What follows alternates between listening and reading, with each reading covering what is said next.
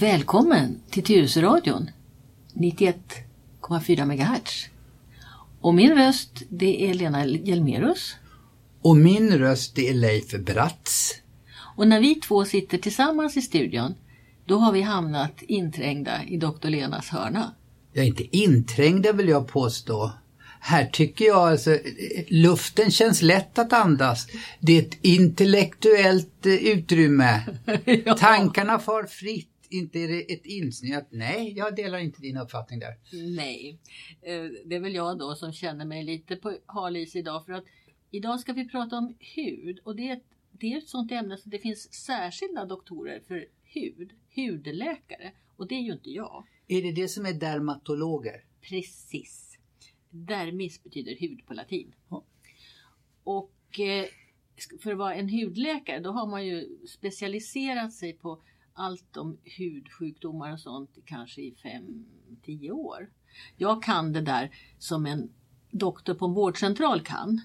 Plus att jag kan lite mer om cancersår, för det har jag jobbat mycket med. Och jag kan mera om gamla människors sår. Eh, trycksår och bensår och sånt som man kanske inte ser på en vårdcentral.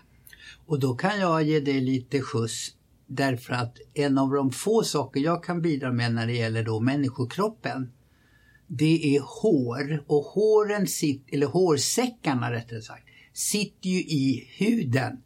Och hår har jag jobbat med, alltså i form av att vara säljare och tillverkare av hårvårdsprodukter i 30 år kanske. Ja men ni hör, här ja. har vi den verkliga experten. Ja, på hår, håret. Ja. ja. Naglar hör också till huden, eh, rent liksom medicinskt då. Naglar och hår, eller brist på hår och eh, allt som, som sitter på huden.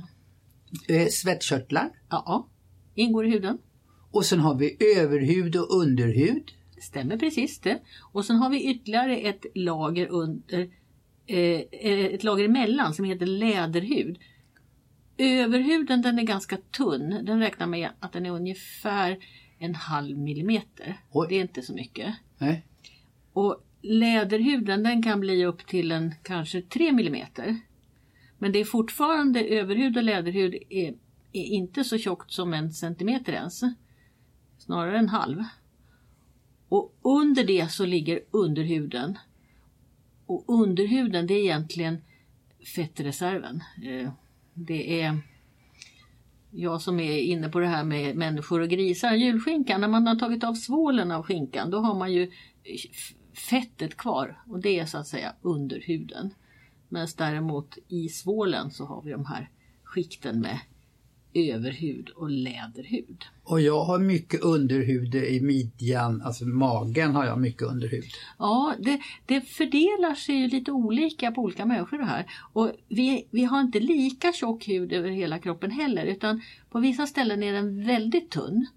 Och precis i övergången mellan läpparnas utsida och insida, där är den som kanske som tunnast. Läpparna är ju också väldigt tunn hud. Även om, de tillhör ju huden också.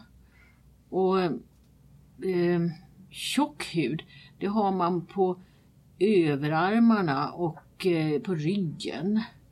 Men det där är, det är olika för olika människor, hur, hur tjock huden är på olika ställen. Men om man eh, skär sig mm. så är det inte mycket, det, är inte några djupa sår för att det ska börja blöda. Hur långt ner sitter blodkärlen då? Ja, de sitter i läderhuden, alltså en halv millimeter ner. Jaha, det är därför det går mm. ganska lätt att därför, börja blöda. Ja, ja. Och sen så är det ju så också att börjar det blöda så blöder det ganska snabbt. Det är många små blodkärl i läderhuden. Och det är ett ganska bra flöde i det. Mm. Det här kanske är jättedumt men i alla fall, du säger läderhuden. Är det det alltså då om vi ser på djur som vi använder som skinn sen? Det vi säger... Ja, det ingår i läderhuden. Mm. Mm. Eh, överhuden, den är, där är cellerna mm, platta, ungefär som takpannor på, på ett tak. Många platta celler ovanpå varann. I läderhuden där är det bindväv och där finns det mm, andra ämnen, det som heter elastin och kollagen, alltså stödjevävnad som gör att det blir liksom lite konsistens. Överhuden den är egentligen bara, ja, det, den, den, kan man nästan bara skrapa bort.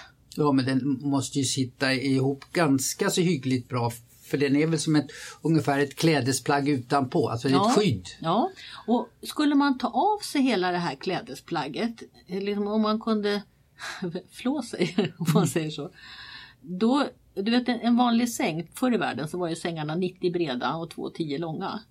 Och då blir huden på en vanlig människa, det blir som ett överkast på den sängen. Det är två, lite drygt två kvadratmeter. Så det är ganska mycket skinn på en människa faktiskt. Och skinn på näsan ska man ha också. Ja, ja, det ska man ha.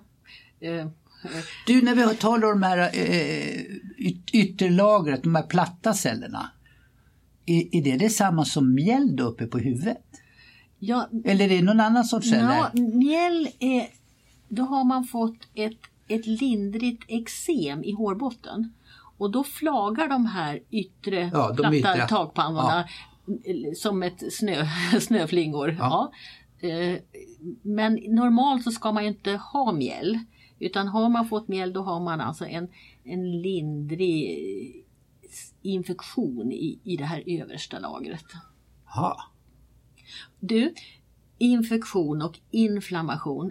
Jag vet att det är två saker som är vi inom sjukvården handskas ganska, ja, vad ska vi säga, vi slänger oss med de där uttrycken. Det är olika saker. Ska, Jaha. vi, ska vi börja reda ut dem kanske? Jaha. Ja, alltså, ja, ja, jag i min okunnighet har trott det var synonymer men det... Nej, Nej inflammation det är ett reaktionssätt. Det är kroppens sätt att försvara sig. Och om man, om man, jag var in på Wikipedia för de har ibland bra uttryck och där kallar man det för brända jordens taktik. Alltså, eh, det är inget bra att ha en inflammation för att eh, efteråt så blir det alltid lite skador. Det, det kan läka ut men inflammationer är in, inget bra. Men det är sätt, kroppens sätt att, att skydda sig. Och det har man känt till ända sedan de gamla grekerna. Och det är fem komponenter. Det ska vara varmt på ett, på ett lokalt område. Det ska vara svullet, det ska göra ont, det ska fungera dåligt. Och så kommer jag inte ihåg det femte naturligtvis. Eh, jo, det ska vara rött också förstås. Inflammationer, det kan man få, kroppen är ju levande. Varenda liten cell lever och inflammationer det kan man få liksom precis var som helst. Det kan man få inne i blodådrorna och det kan man få i, i eh, Men vad är det som orsakar, förlåt att jag avbryter, vad är det som orsakar inflammationen till skillnad mot infektionen? Inflammationen det kan vara någonting som är, är re, retar de här cellerna, irriterar. Det kan också vara ha en infektionsbakgrund, alltså bakterier och virus, det är infektion. Så en infektion kan sätta igång en inflammation. Och sen så finns det också varianter på det här med inflammation där, där kroppen liksom börjar att reagera på sig själv. Det här är en del i det här väldigt märkliga försvarssystemet som vi kallar för immunologiskt försvar. Det här att vi alltså kan gå omkring i, i tillvaron där det finns så mycket märkliga saker och ändå kroppen inte tar skada av det. Och här är huden jätteviktig. För det är huden som eh, är liksom skyddet mot yttervärlden. Huden eh, försvarar oss genom att huden blir ganska lätt inflammerad. Det finns, det, är en- det, är, Ehm, det finns en ehm, beredskap i huden att starta inflammatoriska reaktioner. Huden ska också ehm, se till att vi håller oss varma och, och huden ska också i viss mån dämpa. Det här fettlagret ska ju dämpa lite och det är också en, en fettreserv det här. Men framförallt så ska huden försvara oss. Och men ska den inte hålla ihop oss också? Jo, ja, fast även om man tar bort huden så ramlar det inte ut så att säga. Det, det sitter nog kvar ändå. Ja.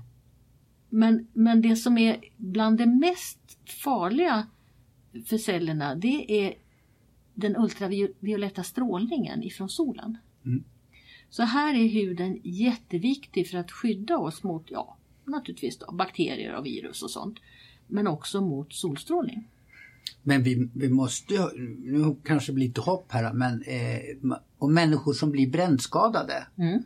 Om de blir allt för mycket brännskadade, alltså för, Mm. för stora ytor, då klarar man sig ju inte i alla fall. Alltså, så huden måste ju ha no, Ja, någon... och- och det, där är det både att det, så, det blir så mycket infektioner. En brännskada blir alltid infekterad. Och sen att det är en vätskeförlust. Att huden håller ju tillbaka vätska i kroppen. Så att vi inte, vi, vi är ju som gurkor, nästan bara vatten. Och hade vi inte skinn så, så det, det ser man ju om man har fått ett, en tryckskada på huden som man har fått en blåsa. Då blir ju den ganska snabbt vätskefylld. Och har man ett bensår till exempel då, då kan det rinna vatten ur det här bensåret eller sårvätska säger vi. Eh, Så att bandagen blir alldeles genomblöta. Så det är ett viktigt organ. Jätteviktigt, vi, utan hud klarar vi oss inte. Nu slår det mig det här. Nu blir det mycket hopp när jag är med. Organ, eh, eh, alltså vad defini- Jag tänkte det nagel och hår och vad vi har pratat om så här. Det, det betraktar väl ingen som ett organ. Var går gränsen för en kroppsdel eller ja, och ett organ? Ja, nu har jag inte definitionen direkt i huvudet men det ska vara likartade celler, alltså celler av samma typ som, som sitter ihop till ett större paket. Ja. Och sen så eh, ska det vara avgränsat emot nästa, nästa skikt så att säga. Och, och eh, eh, organ använder man nog också för sånt som har en väldigt speciell funktion. Vi pratar inte riktigt om musklerna som organ, de ligger ju under huden. Men huden är definitivt ett organ. Eh, levern är ett organ, lungorna är ett organ, hjärtat är ett organ. Blodådrorna räknar man ibland in i kärlsystemet som ett organ. Men jag, är, jag, jag har inte den exakta definitionen i huvudet. Men det ska vara likadana celler och de ska ha samma uppgift. Och så ska de vara liksom avgränsade mot nästa, mm, ja, nästa organ. Då. Kan man säga också en del av det där, om jag pratar om naglar och hår så får man väl säga det att det är döda celler. De, de lever väl, alltså en, en, en hårcell har väl ingen ämnesomsättning? Jo, Det har den. Ja, Ja, när den sitter här ute? ja, ja. Drar du ut håret så kommer det ju, växer ut ett nytt hårstrå ur samma hårsäck. Ja men då menar jag, då är det ju hårsäcken som är Ja, organet. ja, det kan man säga. Ja, Hårstrået i sig har Nej. väl stelnat till... ja och sen eh, det finns ju färgpigment i håret som gör att man då har olika färg. Ja. Eh, och det, det kan ju också ändras. Eh, Men det är nere i hårsäcken Ja, fortfarande. det är det. Ehm, det här översta skiktet, det här överhuden som bara var en halv millimeter. Det tar en månad från botten tills cellerna liksom har kommit upp till ytan. Så där pågår hela tiden en, en omsättning. Det översta lagret det, det eh, faller av när vi borstar av oss eller tvättar oss. Eller, och sen så på en månad så har det kommit nya celler underifrån upp till ytan. Men i väldigt många hudsjukdomar så eh, är den där processen påverkad. Så att den går eh, fortare. Eh, och då kan man få alltså som, som typ det här med eksem och mjäll. Att man alltså får en, en hud som ramlar av eh, snabbare. Man räknar med att nästan alla människor under sitt liv någon gång får eksem. Och eksem det är alltså då, då spricker huden. Och eksem blir i stort sett alltid infekterade. Det är, men mer eller mindre. Man kan ha e, eksem som har väldigt lite infektion för kroppen klarar ändå att försvara sig. Eh, och då kliar de kanske bara. Hur uppstår en, eh, ett eksem då? Varför blir det helt plötsligt Ja, något? det, det finns olika sorters eksem. Det finns, det, om man börjar med de små barna, som mm, bebisarna, så kan ju de få i armveck och i, i hudveck. Eh, och sen har vi eh, de som har, är allergiska mot olika saker som får handeksem. Det här är ofta ärftligt. Har mamma eller pappa handeksem så får barnen också ibland handeksem. Eh, och sen så finns det eksem därför att man har nött mot en viss yta. Ehm, det, det, det, finns lite olika grupper och mjäll är då också en typ av eksem. Ehm, men man, man, kan utgå från att eksem finns det alltid nästan en infektion med i bilden som liksom sätter igång och förvärrar eksemet. Fast inte bara det utan man kan också få um, en försämring om man är stressad eller om man eh, inte mår bra av någon annan anledning. Huden är väldigt, den signalerar både välbefinnande och, och icke välbefinnande. Och, och det vet man inte riktigt hur det går till. Alltså att alltså, psyket kan påverka huden. Eh, det här är ju doktor Lenas hörna. Mm. Och då tänker jag så här att vi brukar ju prata sjukdomar som uppstår. Mm. Vad finns det för hudsjukdomar då? Mm. Ja, eksem är ju då en, en vanlig, ganska stor diffus grupp. Och sen har du ju alla sår, alltså när du gör illa dig eller man skär i huden eller någonting sånt. Och det är ju också, kan vi säga, sjukdomsgruppen då, sår. Sen är bland det vanligaste det är ju psoriasis. Och den, en av de mest berömda psoriatikerna, det var ju Strindberg.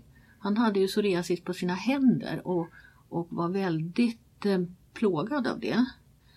Annars så brukar psoriasis sitta på armbågar eller eh, under armarna på ytor som ofta belastas.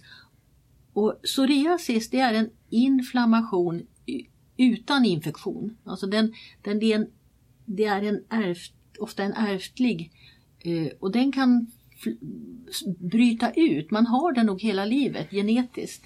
Men den bryter ut någon gång i 30-40 års åldern. Och då får man de här väldigt karaktäristiska röda fläckarna som är torra och där det hela tiden flagnar av hud. Och jag sa att det tog en månad för det här skiktet normalt att, att förnyas, växa från botten och uppåt. Men hos en psoriatiker kan det gå på en vecka eller några dagar. Alltså det är en oerhört snabb omsättning av celler i de här psoriasisfläckarna. Och behandling? Ja, man försöker då att, att, få bort fjällen så att man minskar, det ska vara så slät yta som möjligt för att minska ändå infektionsrisken. Sen har man olika typer av ljusbehandling och sen finns det också idag nya mediciner som är ganska bra för de som har psoriasis. Och psoriasis är en sån speciell sjukdom så att det finns egen förening för det som också driver i ställen där man då kan få den här ljusbehandlingen. Ehm, det fanns tidigare en i Enskede, nu har jag inte kollat upp om den ligger kvar där eller om den har flyttat någon annanstans. Du brukar ju ibland nämna siffror, hur, är det var tionde svensk, var tjugonde svensk som har märkbar psoriasis? Nej, det är ändå en ganska liten grupp. Ehm. och det räknas inte till folksjukdomarna? Nej, det gör det inte. Men den är ju, det är ju en sjukdom som syns utanpå. Mm. Och eh, det är, en, det är en sjukdom som den ser ju lite obehaglig ut. Det är rött och det, det fjällar. Och en del som har en svår psoriasis de kan också få förändringar i naglarna som också ser lite konstiga ut med liksom prickar och gropar och sår. Men det är inte det minsta smittsamt? Nej, psoriasis är inte alls smittsamt. Däremot det, eh, finns det en ganska stark ärftlighet i det. Eksem är inte heller smittsamt eh, men infektioner är smittsamma. Så att har man eh, har man sår som är kladdiga och infekterade då ska man ju se till att de, är, att de har ett bandage, ett plåster. Så att man inte sprider det här allt för mycket. Vi använder ju ganska mycket handsprit nu för tiden för att skydda oss just mot de här virusarna framförallt eh, som finns i, i samhället. Men har man en känslig hud med, med tendens till eh, eksem eller någon annan hudsjukdom, då, då, då är risken att man torkar ut lite för mycket med sprit. Och har man, har man en hudsjukdom som har alltså fått, man har fått en diagnos eller ett, ett namn på en hudsjukdom, det finns ju många hudsjukdomar, då har man eh, rätt att få mjukgörande eh, salvor på recept. Men om man bara är torr i skinnet och inte har någon hudsjukdom men är allmänt har så här på vintern så blir många människor torra och, och duschar man mer än två gånger i veckan så duschar man ju bort också det, det fettlager som ska hålla huden eh, smidig. Men, men har man ingen hudsjukdom då får man köpa sina Eh, hudkrämer utan recept. Och de vanliga mjukgörande krämerna det, de innehåller antingen ett ämne som heter karbamid eller ett ämne som heter propylenglykol. Och karbamiden svider. Har man barn som har torr hud så ska man nog hellre välja propylenglykol. Um, ehm, om det inte är alltför stora ytor. Det, det, um, men det gäller att hålla huden, huden mjuk. Men om man då går in på apotek och köper nu säger jag, receptfria mm. eh, hudlotion. Ja. Eh, då finns en innehållsförteckning ja. så att kunden kan se om det är propylenglykol eller, eller karbamid. Ja. Och ibland så finns det lite blandningar av olika, lite stearinsyra eller någonting sånt. Om man, om man har, är allergisk och har eksem då ska man passa sig lite granna för eh, salver och krämer som innehåller jordnötsolja. Och man ska också passa sig för sånt som innehåller ullfett för det kan man bli allergisk emot. Det heter lanolin. Det här är vanliga, alltså det, när man ska göra en salva eller hudkräm så måste man ha något, något fett ämne och, och liksom koka ihop det med. Det hade vi i eh, när vi gjorde då så ja. hårbalsam, hår ja. conditioner. Ja, vad gjorde du? hade du för ämne då? då? Ja, det var sån här propylenglykol och, mm. och, ibland så var det på modet med lanolin, alltså mm. för det skulle mm. vara mer naturnära än mm. den syntetiska prop. Alltså det hade ju mm. bara med intryck och det hade ju ingenting med funktion eller ver verk verkningsgrad att göra. Utan... Läser man på innehållsförteckningarna så är det ju ofta väldigt många olika ämnen i de mm. här. Så ska det lukta lite gott också. Ja. Eh, som biodlare så tycker jag ju bisalva är suveränt förstås. Ja. Men eh, oljor går i allmänhet bra. Olivolja, vanlig kronolja, rapsolja. Det, det. Men jordnötsolja ska man passa sig för. Mm. In, inflamma, är det en inflammation, inte bara torrt, då måste man ibland ha kortison. Um, vi har väl pratat tror jag om kortison någon gång förut i, i samband med binjurar och sånt där. Eh, det är ju ett ämne som finns normalt i oss och vi kan tillverka det själva. Eh, och kortison dämpar inflammationer. Eh, en sån här inflammation med de här fem sakerna, rött, svullet, ont, att det inte funkar och att det är varmt. Det, att det uppstår, det beror på att det kommer ut en massa eh, kemiska ämnen. Cellerna släpper ut kemiska ämnen. Och de där har en massa konstiga namn då. Eh, histamin är väl det kanske vanligaste. Bradykinin, cytosin, eh, prostaglandiner, de leukotriener. Alltså det är en hel bukett av fontän, fyrverkeri av, av ämnen. Och då svarar kroppen med den här, eh, den här reaktionen, den här inflammationen. Och kortison dämpar alla de där ämnena. Um. Men om kroppen reagerar på någonting då som jag säger då kanske är lite främmande, kroppen upplevde det som mm. lite främmande. Mm. Och sen börjar den utsöndra då mm. histamin och alla de här mm. INA. Mm. Ska man inte låta dem få verka då? Man, om man tillsätter kortison så dämpar man väl effekten på histaminen? Ja, man behöver ju inte behandla allting.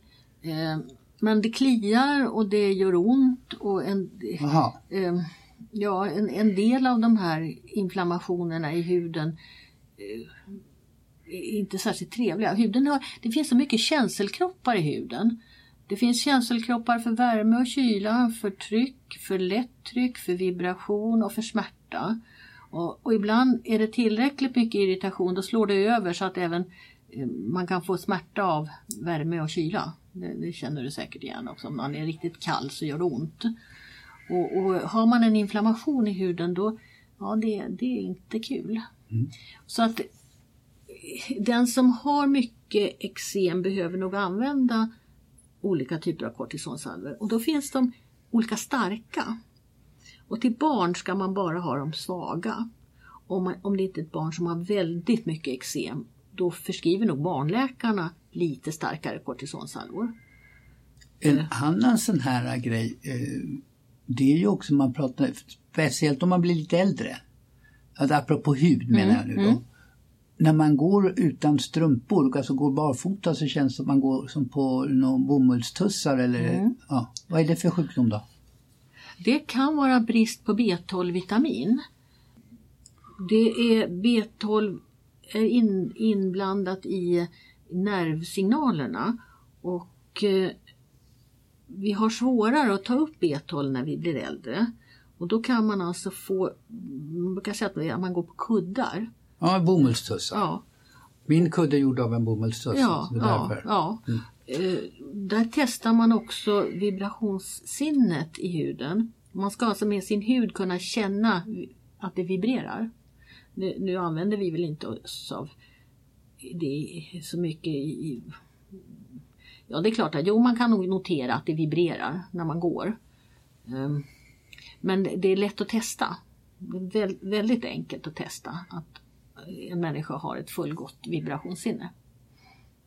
Mm. Hur, alltså kan man göra det själv eller det Ja, ja, det kan man, men en stämgaffel så kan man känna att det funkar. Att man känner. Man slår en sån här stämgaffel i bordet och så sätter, man man den mot fotsulan. Ja, så kan man känna att det är sådär. Och är man inte vid sina sinnens fulla bruk då? Ja, jag vet inte om det måste vara en A-gaffel eller inte. Men, nej, men man ska kunna känna vibration. ja. Ja.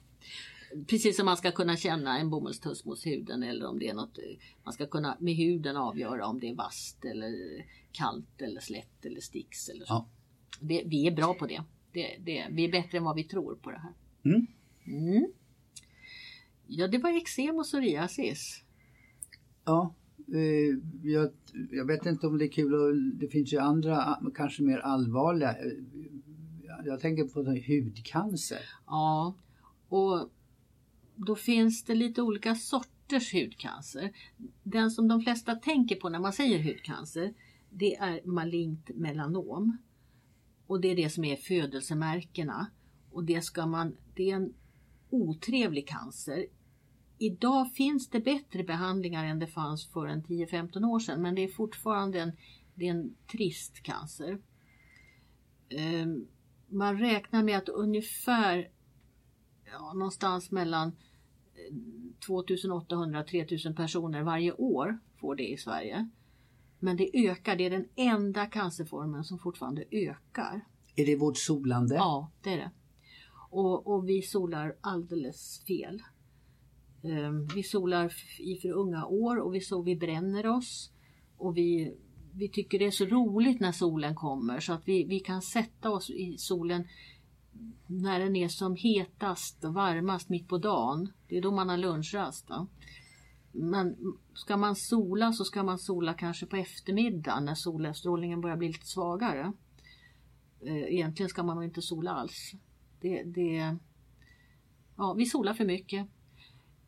De, i, här i Stockholm så brukar de stora sjukhusen regelbundet ha eh, prickdagar för eh, allmänheten där man kan få komma och visa upp sina fläckar.